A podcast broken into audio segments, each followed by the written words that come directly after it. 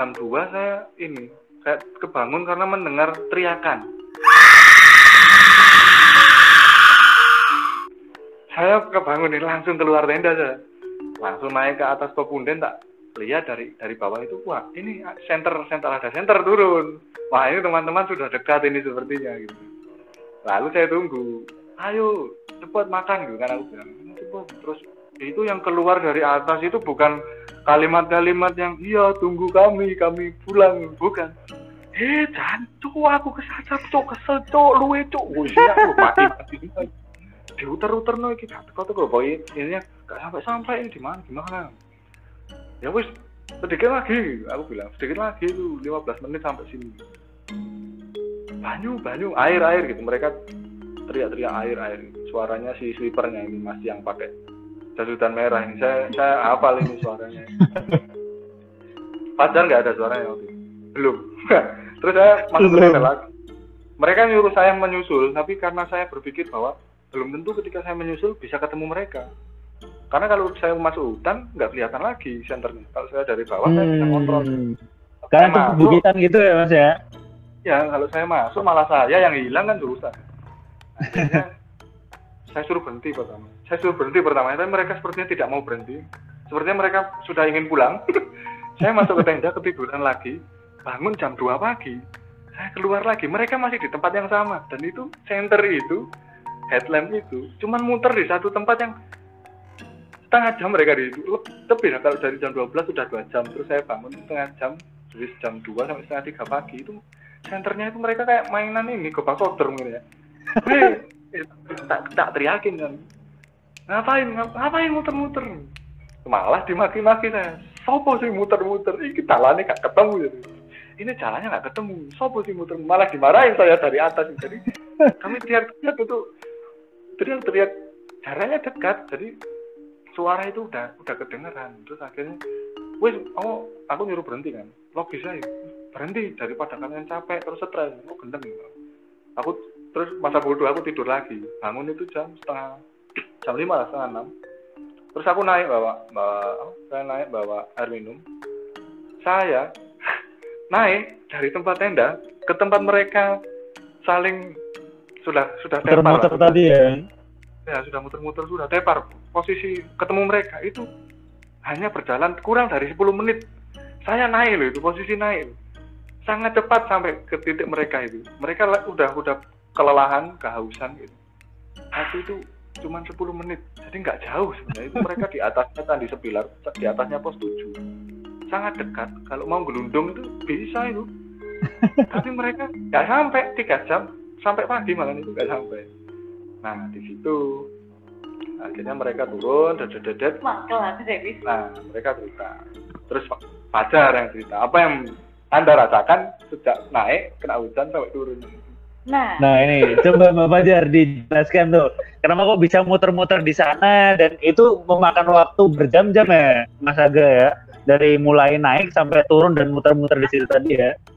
Jadi mereka hampir puncak, cuman hampir puncak. Hampir puncak, cuman uh, ada hujan es, terus akhirnya segalanya tuh berjalan uh, berjalan lancar sampai kita terkena hujan es.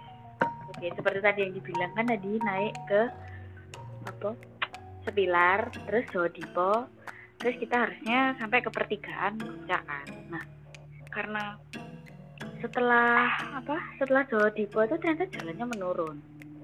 Terus kita berpikir kok kok ini mau ke puncak jalannya turun? Kenapa? Terus di samping itu juga hujan es. Itu tuh sekitar sudah jam 3 apa 3 sore. Terus kita memutuskan ya wis kita pulang aja lah daripada nanti malah kejebak badai di puncak dan lain sebagainya gitu kan.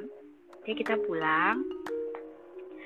Karena kita lapar kita bikin indomie. Bikin indomie itu sudah dalam keadaan hujan bikin indomie. Jadi entah itu indominya matang atau tidak tetap kita makan. Bawa air minum juga udah dibagi-bagi habis cuma tiga botol sedikit. Nah terus harusnya tadi ketika berangkat start jam 9 kita sampai ke tempat yang terkena hujan es itu 6 jam. Nah harusnya secara logika logikanya itu kita baliknya pasti lebih cepat lah. Ya lima jam lah maksimal atau berapa jam. Tapi kita tuh eh, setelah makan indomie setelah kita balik makan indomie itu kita jalan. Harusnya kan ke Jawa Dipo tapi kita nggak nggak nemu jalan ke Dipo itu kita kita jalan. Ya pos 8 29 Cok, nggak ketemu Jawa Dipanya terus kita tetap jalan. Apa eh, kita saling menyemangati berteriak mari kita sampai lur. Eh, mari kita sampai. Terus biar tetap positif sih kita tetap jalan. Jalan jalan jalan. Duh. ternyata setelah jalan dulu terus apalagi kan eh, katanya Mas Aga tadi ada hujan badai. Ini ketika kita, terjebak hujan badai baru bertemu Jawa Dipo itu jam 12 malam. Jam 12 malam Hmm, kita di Jawa Dipo jam 12 malam. Panjang sekali ya perjalanannya. ya hampir turun itu. turun. Harusnya kan lebih cepat turun. terus setelah Jawa Dipo kita oh Jawa Dipa habis itu berarti sepilar kita terus jalan. Terus lah jalannya itu kan sedikit berbatu sedikit licin ya. Eh jadi licin ya karena hujan. Jadinya banyak yang terpeleset terpeleset terus karena kita sudah capek terus mental. mental diuji juga. Terus kita sampailah pada jalan yang harusnya tuh ke sebuah belokan yang menghantarkan kita kepada Sepilar gitu. dan di Sepilar yang pos pos eh nah nah. Oh berarti jauh di tujuh. Nah kita tuh kayak kita ya seperti kata tadi Samit kita teriak-teriak tuh. Hei met met gitu kan. Eh gak gak gak gitu. Ya kau ayo gini lu kita lapar dan lain sebagainya. Terus kita sudah teriak-teriak jalan terus bentar lagi sampai. Itu tinggal ke kanan. Ada yang ke kanan ada yang bilang gitu. Oke kita ke kanan. Loh kita kayak bertemu jalan yang sama itu sekitar empat atau lima kali. Loh gak masuk akal ini. Gak masuk akal ini. Terus akhirnya seperti yang tadi dibilang sama Mas Aga kita tidur. Di sini aja berhentilah daripada daripada daripada apa namanya tambah runyam. Jadi kita posisi tidur itu tidurnya miring mengikuti lereng. Jam jam tiga jam 2 jam 3 terus dengan sambil posisi kebasahan kedinginan paginya ya ya coba eh coba ya menyebalkan. Lima menit itu. Lima menit. lima menit itu udah sampai. ya itu.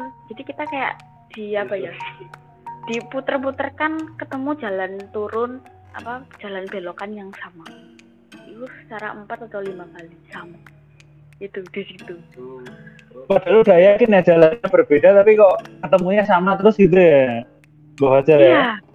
Ya kita kanan kanan ambil kanan. Terus kita ambil kanan terus kok ketemu jalan ini lagi?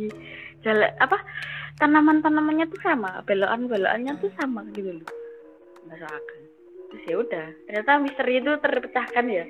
Ya, itu terpecahkan. Kenapa kok dari bawah itu lampunya kelihatan di tempat di tempat itu gitu loh? Lampunya dari bawah kelihatan muter-muter. Saya seumur hidup mungkin ya baru dengar cerita oh ini diputer-puter di di Arjuno tuh ya cerita itu udah kayak cerita rakyat lah di situ di daerah-daerah.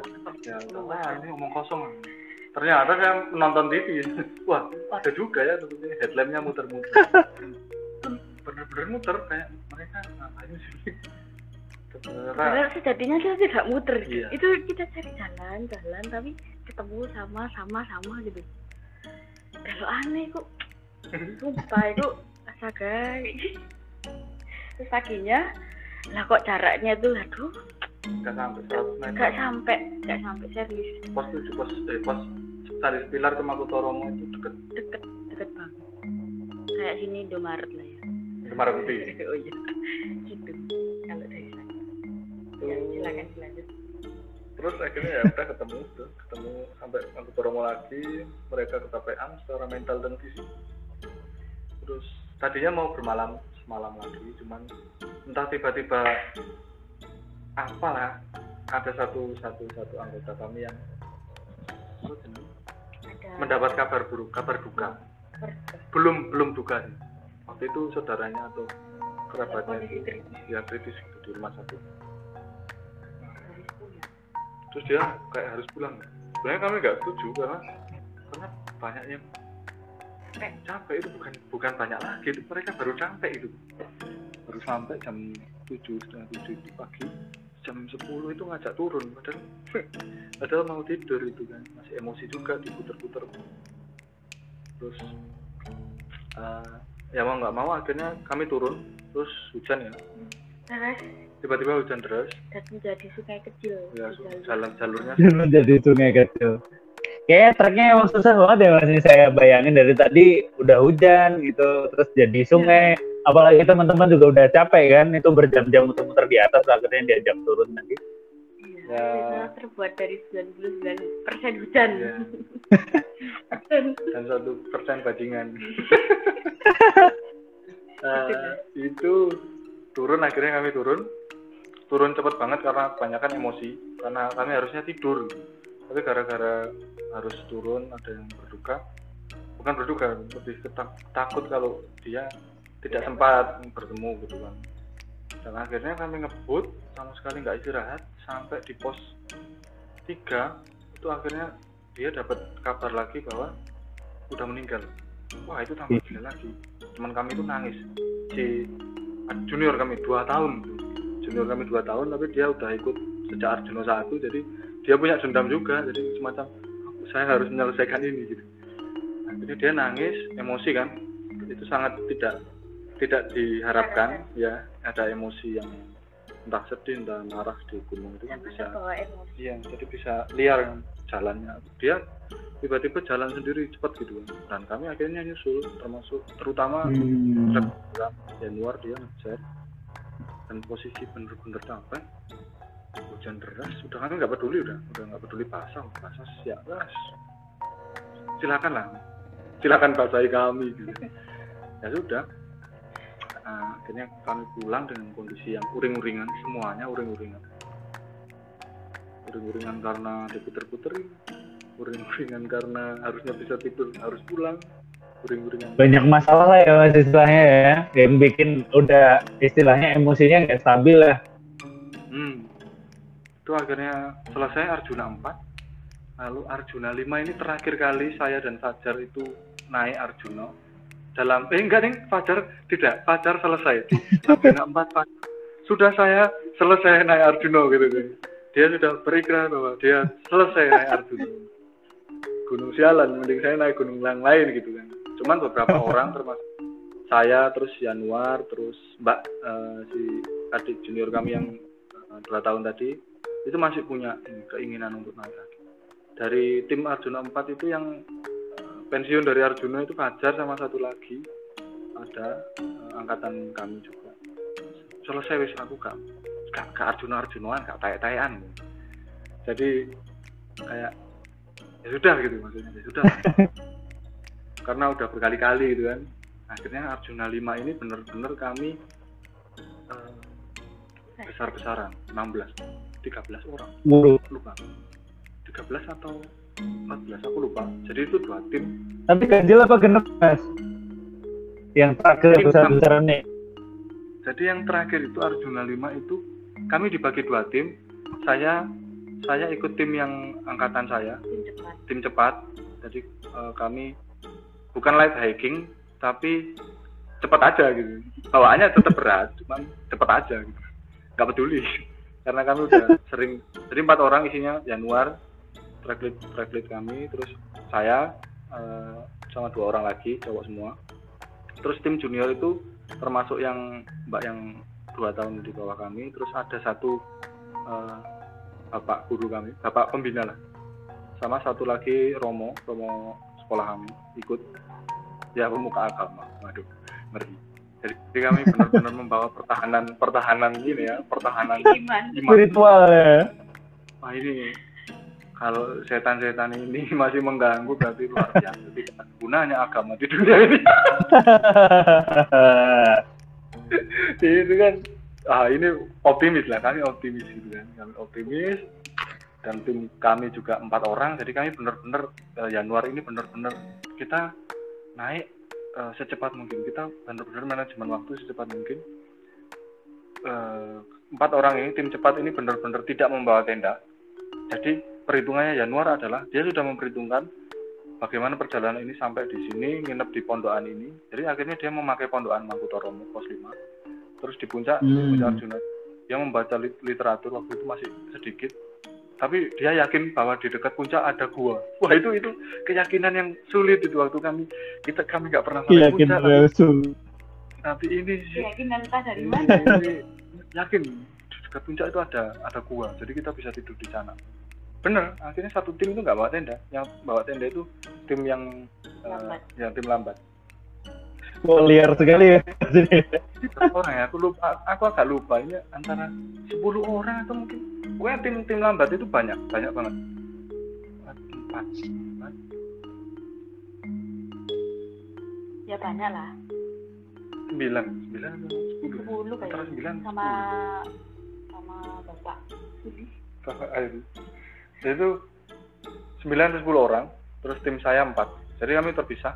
Eh, uh, akhirnya kami naik seperti biasa naik uh, lewat situ itu pasti jam 9 pagi sebelumnya di Arjuna 4 tadi kami naik jam 9 sampai pos 5 Mangkutoromo itu jam 3 sore sampai 4 sore kali ini di Arjuna 5 dengan pimpinan Bapak Yanuari ini kami sampai Mangkutoromo saya dan Januar sampai Makutoromo cuma dua jam saja. Jadi jam 9 naik dari base camp, jam 11 sudah sampai Makutoromo.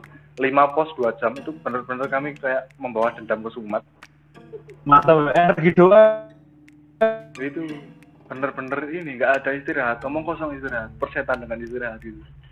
Kami lost gitu ya. Tetapi dua tim, dua anggota tim kami yang lain, sepertinya mereka lupa kalau mereka itu tim cepat. Eh, mereka itu sambil ngerokok, sambil relax, ikut tim lambat ini ini saya sama Januar tidur di pondok yang tadinya ditolak untuk ditiduri. Jadi kami akhirnya tidur di situ, merasakan auranya, oke biasa aja sih siang. Sampai akhirnya yang lain itu sampai situ jam 3, ya jam 3 sore. Terus karena banyak yang junior ya, banyak yang masih ceria-ceria gitu, masih belum men, me, apa ya, kenyataan, sengsaranya kenyataan gitu. Masih senang-senang bagus, bagus ya kak oh ada ini. Oh itu Surabaya. Oh ya wah seru-seru gitu kan. Wah kami menjadi ceria. Tapi kemudian uh, ada junior kami uh, satu tahun di bawah kami yang dulu pernah ikut ke Lawang lewat jalur jalur Lawang. Itu mereka turun di bawah pondokan itu. Terus mereka menemukan sungai yang ada apa ya sungainya ada kedung ini bahasa Indonesia nya apa kedung. Apa ya? Lubuk gue lubuk sungai. Jadi bagian sungai yang uh, cekung ke bawah terus ada kayak kolam gitu jadi. Sungainya gede berbatu tipikal sungai-sungai gunung. Dan airnya air air yang terkubang di situ kolam itu mungkin bisa buat tiga orang empat orang berendam. Itu ada bunga-bunga taman bunga kamboja bunga-bunga itulah ya. Dan itu bunga-bunganya bunga-bunganya segar anak-anak itu ambil ambil foto di situ. Mereka nggak peduli. Tapi ketika saya nyusul kok ambune gini kan langsung wah tapi nggak ada orang lain selain anak-anak ceria ini.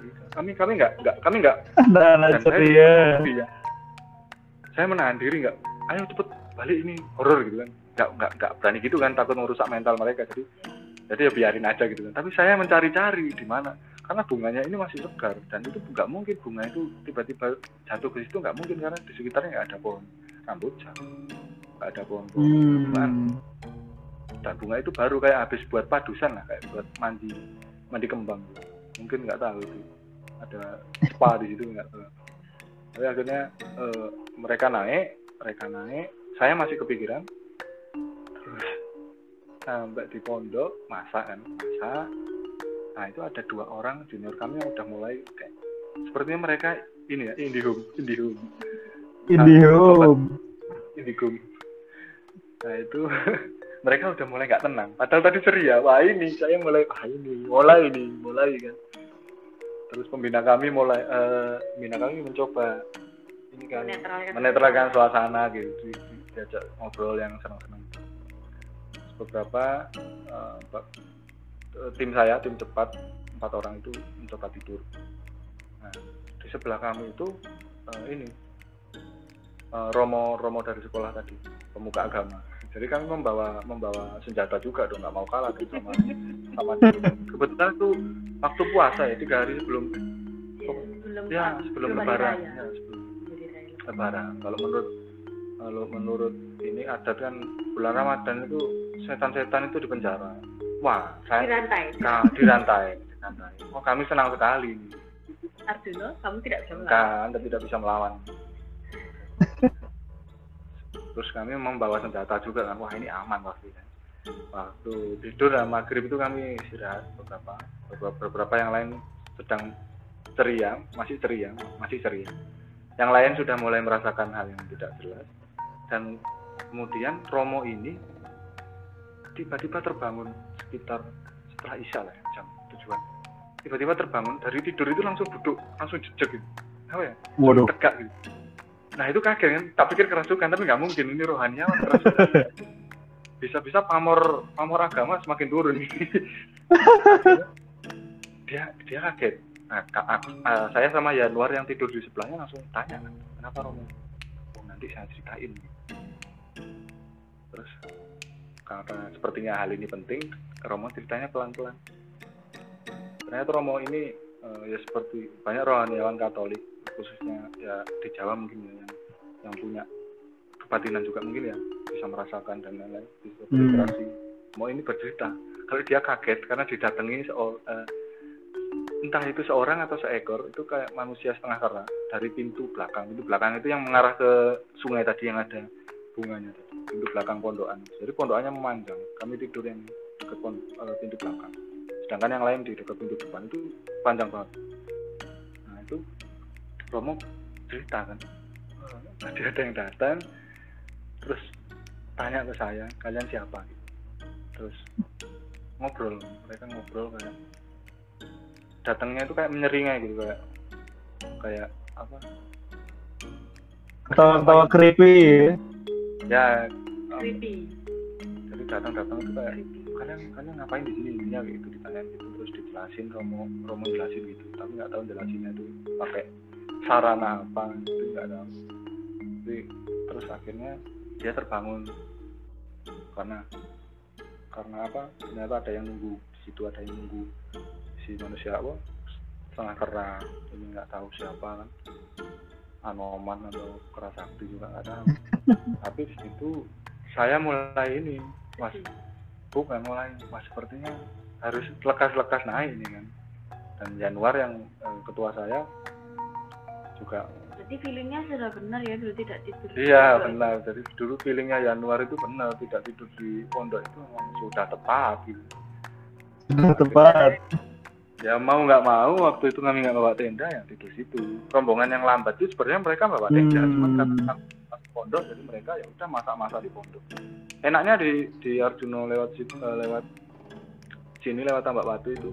Hampir semua pondokan-pondokan di tiap pos itu ada alat masak yang ditinggal. Hmm. buat umum gitu jadi silakan. Jadi enak.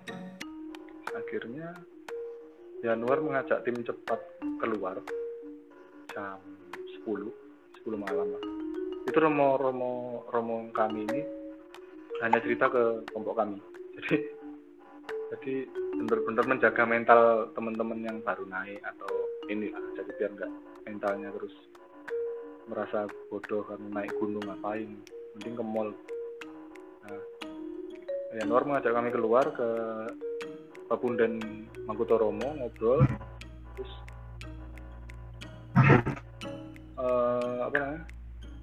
Dia ngobrol enaknya kita naik jam berapa gitu terus saya ah, terserah anak-anak sih yang bilang gitu. Terus yang lain bilangnya jam satu. Jam satu langsung ke puncak jam satu pagi. Dengan memperhitungkan dulu Januar dan Fajar dan teman-teman yang lain kena hujan es ke puncak ya oke lah, oke lah jam satu pagi make, make sense lah maksudnya lokal selambat-lambatnya paling jam 12 siang udah sampai puncak. Lambat banget itu 12 hampir 12 jam. Dari pos 5 sampai ke puncak itu lambat. Nah, akhirnya oke udah sepakat dan kami berempat sepakat tidak tidak bercerita tentang hal-hal aneh itu tadi ke teman-teman lain sebelum turun nanti. Akhirnya kami tidur sebentar jam satu kami pamitan ke teman-teman lambat teman-teman tim lambat. Kami naik dulu jam satu oke kami jam satu naik eh, saking saking cepatnya lima menit sampai candi sepilar. Candi sepilar ke atas ini yang mulai ini. Kami mulai mencium bunga kamboja seperti yang saya cium di sungai tadi. Tidak ada pohon kamboja. Tidak, Tidak ada. ada tidak ada. Setelah setelah pohon kamboja ganti lagi. Ganti aromanya jahe jahe ini siapa ini menanam jahe Mungkin ada ada angkringan kali mas di atas ya. ini angkringan ini sepertinya itu di atasnya tadi sepilar. Ini sudah wah, tidak masuk akal. Itu tidak sudah jarang eh, tempat datar itu jarang. Akhirnya kami mulai mentalnya kena terus ngantuk. Di sebuah tanjakan eh, salah satu anggota tim cepat bilang mas eh, tu, lek turu sik ae apa? bisa tolong tidur dulu gitu gimana gue? Nah, akhirnya biasanya Januari ini tidak setuju dengan dengan hambatan-hambatan seperti ini istirahat itu nggak boleh maksudnya istirahat itu istirahat tapi berdiri nggak boleh duduk berdiri. Ini tidur. Dan sayangnya Januar oke kita tidur sejam.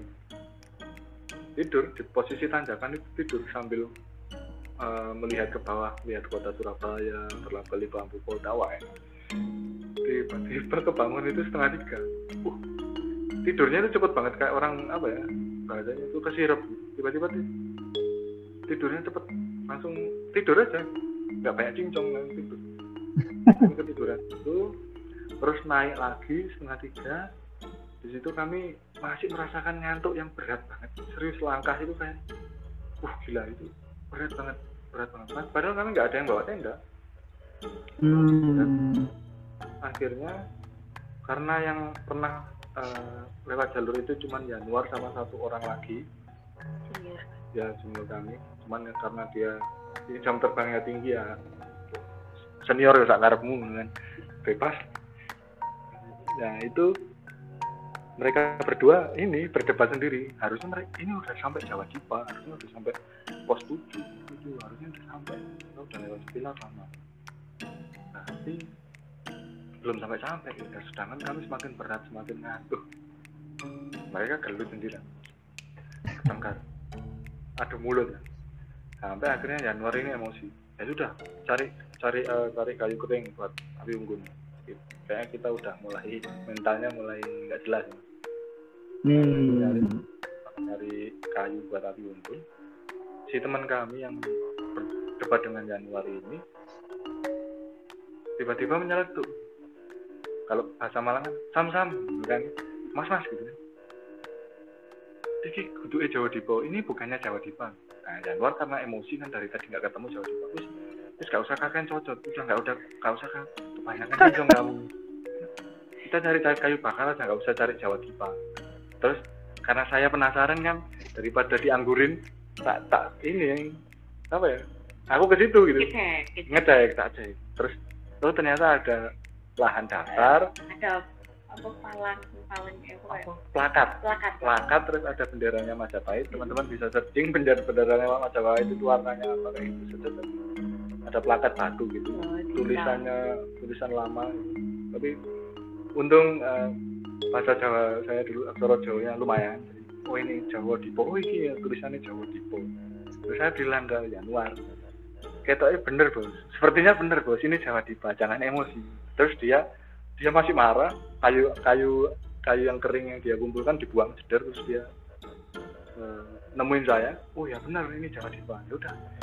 Akhirnya bikin api unggun di situ. Api unggun yang sangat besar sekali. Karena kami tidak pakai tenda kami beralaskan matras beratapkan bintang dan kalau sisa besar itu dapat buku satu buku sampah kami bikin api Buku unggun. puisi sampah. setengah empat bikin api unggun. Berempat akhirnya tidur keliling api unggun. Sampai pagi kami bangun setengah delapan. Masak mie masak mie. Setelah masak mie langsung naik lagi. Empat orang naik. Rombongan lambat itu bahkan belum terdengar suaranya. Jadi sudah kami kami naik lah kami naik si dua orang ini Yanuar sama satu teman yang Arjuna 4 ikut juga itu di depan. Terus saya di belakang dua orang. Karena saya punya permasalahan pencernaan ya Mas Jati sangat mengenal saya bagaimana di gunung saya selalu punya mata. Dengan yang satu itu gitu kan. Wah jadi ini saya akhirnya mengalami apa yang diceritakan Fajar di Arjuna 4 itu jalannya nggak apa ya? Ya naik turun memang.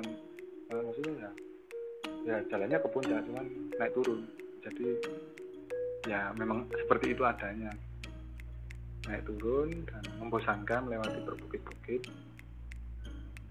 Terus eh,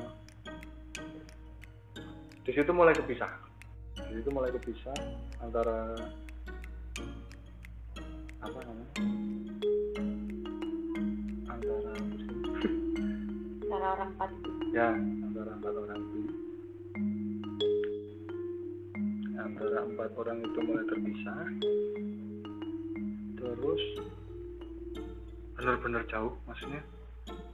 Kalau bapak-bapak yang kem- eh, di Arjuna yang lalu bilang ke puncak itu 3 sampai 5 jam menurut saya itu bohong besar. Dari pos 5 itu 5 jam. Itu bohong besar. Pohon besar. Bohong besar itu kami berangkat jam 1 itu jam 10 itu masih di dalam hutan. Jam 10 pagi udah 10 jam itu. Itu bohong besar itu serius bohong besar. Dan kami karena udah ini ya suasananya udah mistis tapi kami udah nggak peduli. Penting jalan terus. Sampai akhirnya si Januar ini melewati tempat di mana dia mengalami hujan es. Dia seperti ini kayak penjaga museum itu. Kayak Hmm. apa? Apa? Ini di Kurator. sini dulu ya. Nah, Iya. itu kayak ini museum nah ini dulu itu hujan es di sini nah, di sini terakhir di sini dia jelasin gitu. tapi karena waktu itu sepertinya cerah dia sumringah bahagia ya. bahagia terus ketemu pertigaan jalur lawang gitu. Wah ini ini kemarin itu sampai sini terus mereka terus dari pertigaan itu bener-bener dekat tinggal ke kanan itu puncaknya udah kelihatan tinggal Berarti sudah dekat ya saya itu ya? iya sudah dekat sekali itu memang belum diizinkan saja oleh yang kuasa dari situ naik ke puncak itu itu cukup menguras tenaga dua jam Sam- saya sampai puncak jam 3 sore. Dari jam 1 pagi dari pos 5 loh itu jam 1 pagi sampai puncak jam 3 sore itu. Bapak yang bilang 3 jam 5 jam itu naik buruk. Naik ini Batavia Air. Itu sampai puncak dan kemudian eh, beberapa anggota tim lambat itu menyusul. Nggak tahu mereka tiba-tiba cepat sekali tiba-tiba sampai puncak juga. Nggak nggak selang lama nggak selang lama beberapa anggota tim lambat sampai puncak. Tapi mereka tercerai-berai juga sepertinya. Mereka punya cerita Hmm. mereka cerita nanti. Eh, tapi kami nggak tidak tahu pastinya karena tidak ada orangnya di sini. Fajar juga waktu itu sudah menyatakan pensiun jadi dia di di rumah mendoakan teman-temannya. Kalau didoakan Kau doakan. untungnya untungnya benar yang di, yang diperkirakan Januar itu di puncak di sisi barat puncak Arjuna itu ada gua yang mungkin bisa tiga orang lah tiga orang. Cuman sepertinya waktu itu kami sangat sial. Jadi tim kami empat orang itu harusnya tidur di gua itu empat orang. Itu sangat sangat ideal gitu. Lalu ternyata ada dua eh, anggota tim lambat yang mereka nggak kuat turun hari itu jadi mereka ingin bermalam bareng kami. Hmm. salah satunya bawa tenda bisa buat berempat tapi ketika kami mau mendirikan tenda ada tiga orang lagi dari rombongan tim lambat yang ke puncak terus turun dan minta tenda itu. Dia bilang tenda yang satu sudah dipakai. Satu orang teman kami nggak kuat. Dia dia ngecamp terpaksa ngecamp di hutan-hutan yang kami bilang membosankan tadi di atas. Hmm. Eh, akhirnya oke lah. Ya udah tenda tenda kami kasih. Satu-satunya tenda itu. Akhirnya berenam tidur di gua itu. Ya karena guanya deket puncak ya seperti bayangkan seperti kulkas ya. Kulkas dua pintu. Anginnya itu waduh sembribit itu. Apa ya? Uh semilir lah. Enak lah. Enak enak meninggal gitu. Enak enak hipotermia gitu. Rasanya itu uh. tapi ya karena capek jadi ya udah kami bikin api bikin makanan dan lain-lain. Ya udah tidur di gua. Sampai besok pagi itu kami bangun. Di sela-sela gua di jalan setapak deket gua itu es es itu mas embunnya jadi es itu. Jadi saya Bunga es ya mas ya? apa? Bunga es gitu ya? bunga-bunga es. Gitu. jadi agak bersyukur juga kami masih hidup pagi Kira jam 7 kami turun.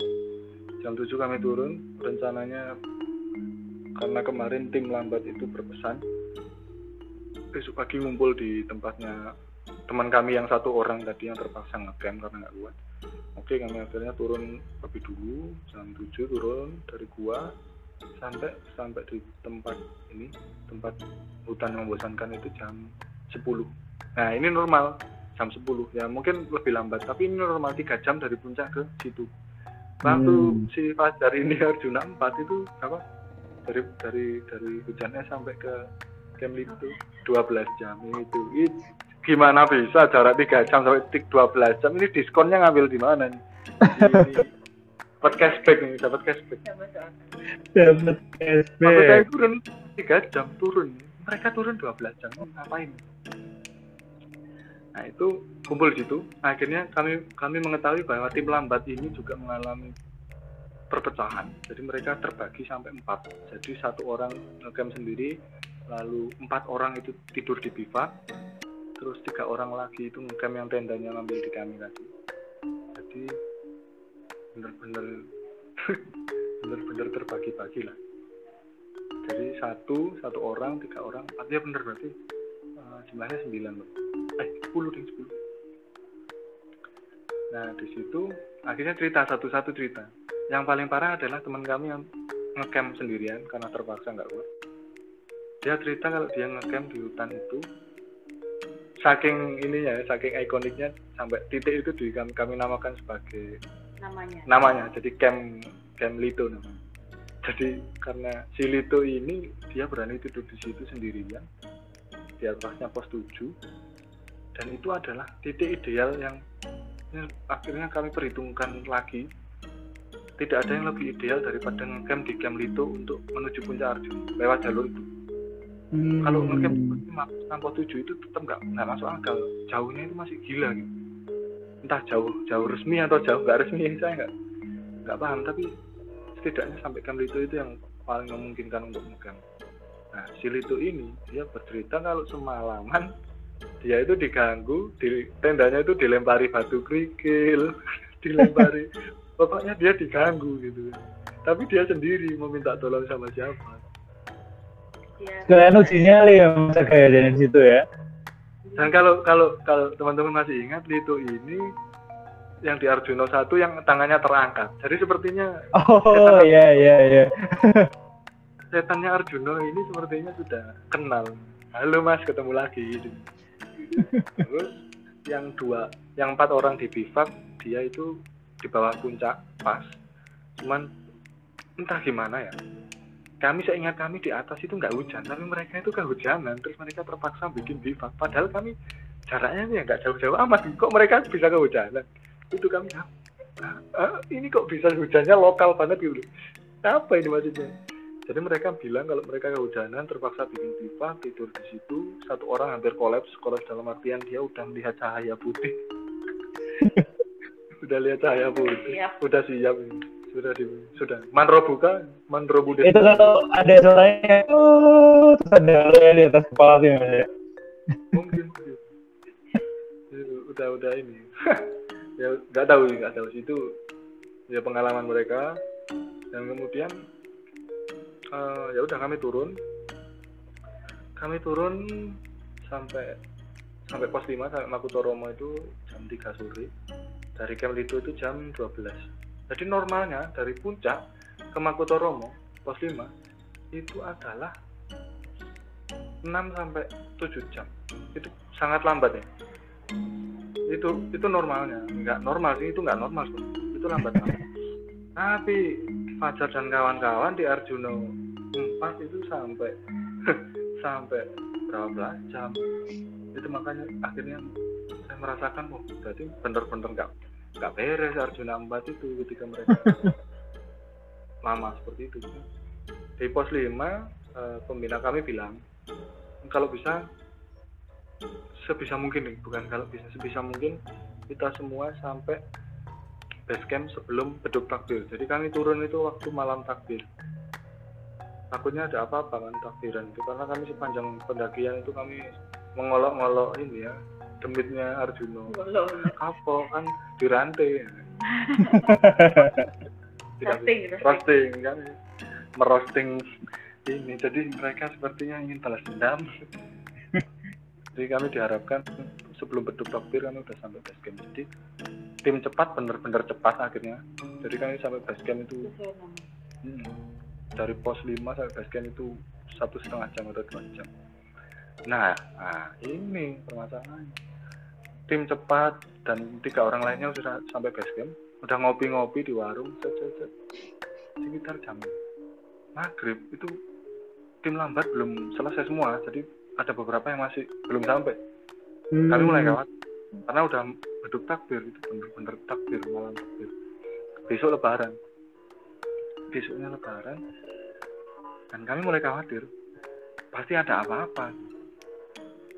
Nggak lama dua orang dari tim lambat itu lari sampai base camp langsung tengkurap langsung tengkurap.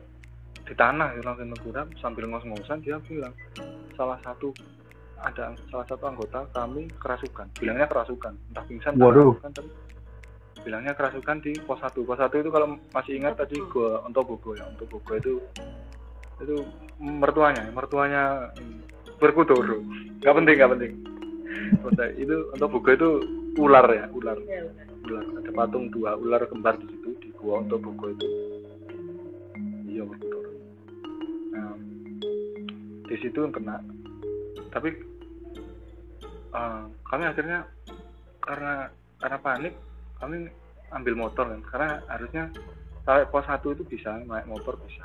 Karena jalannya masih ya lebar lah ke perkebunan kopi.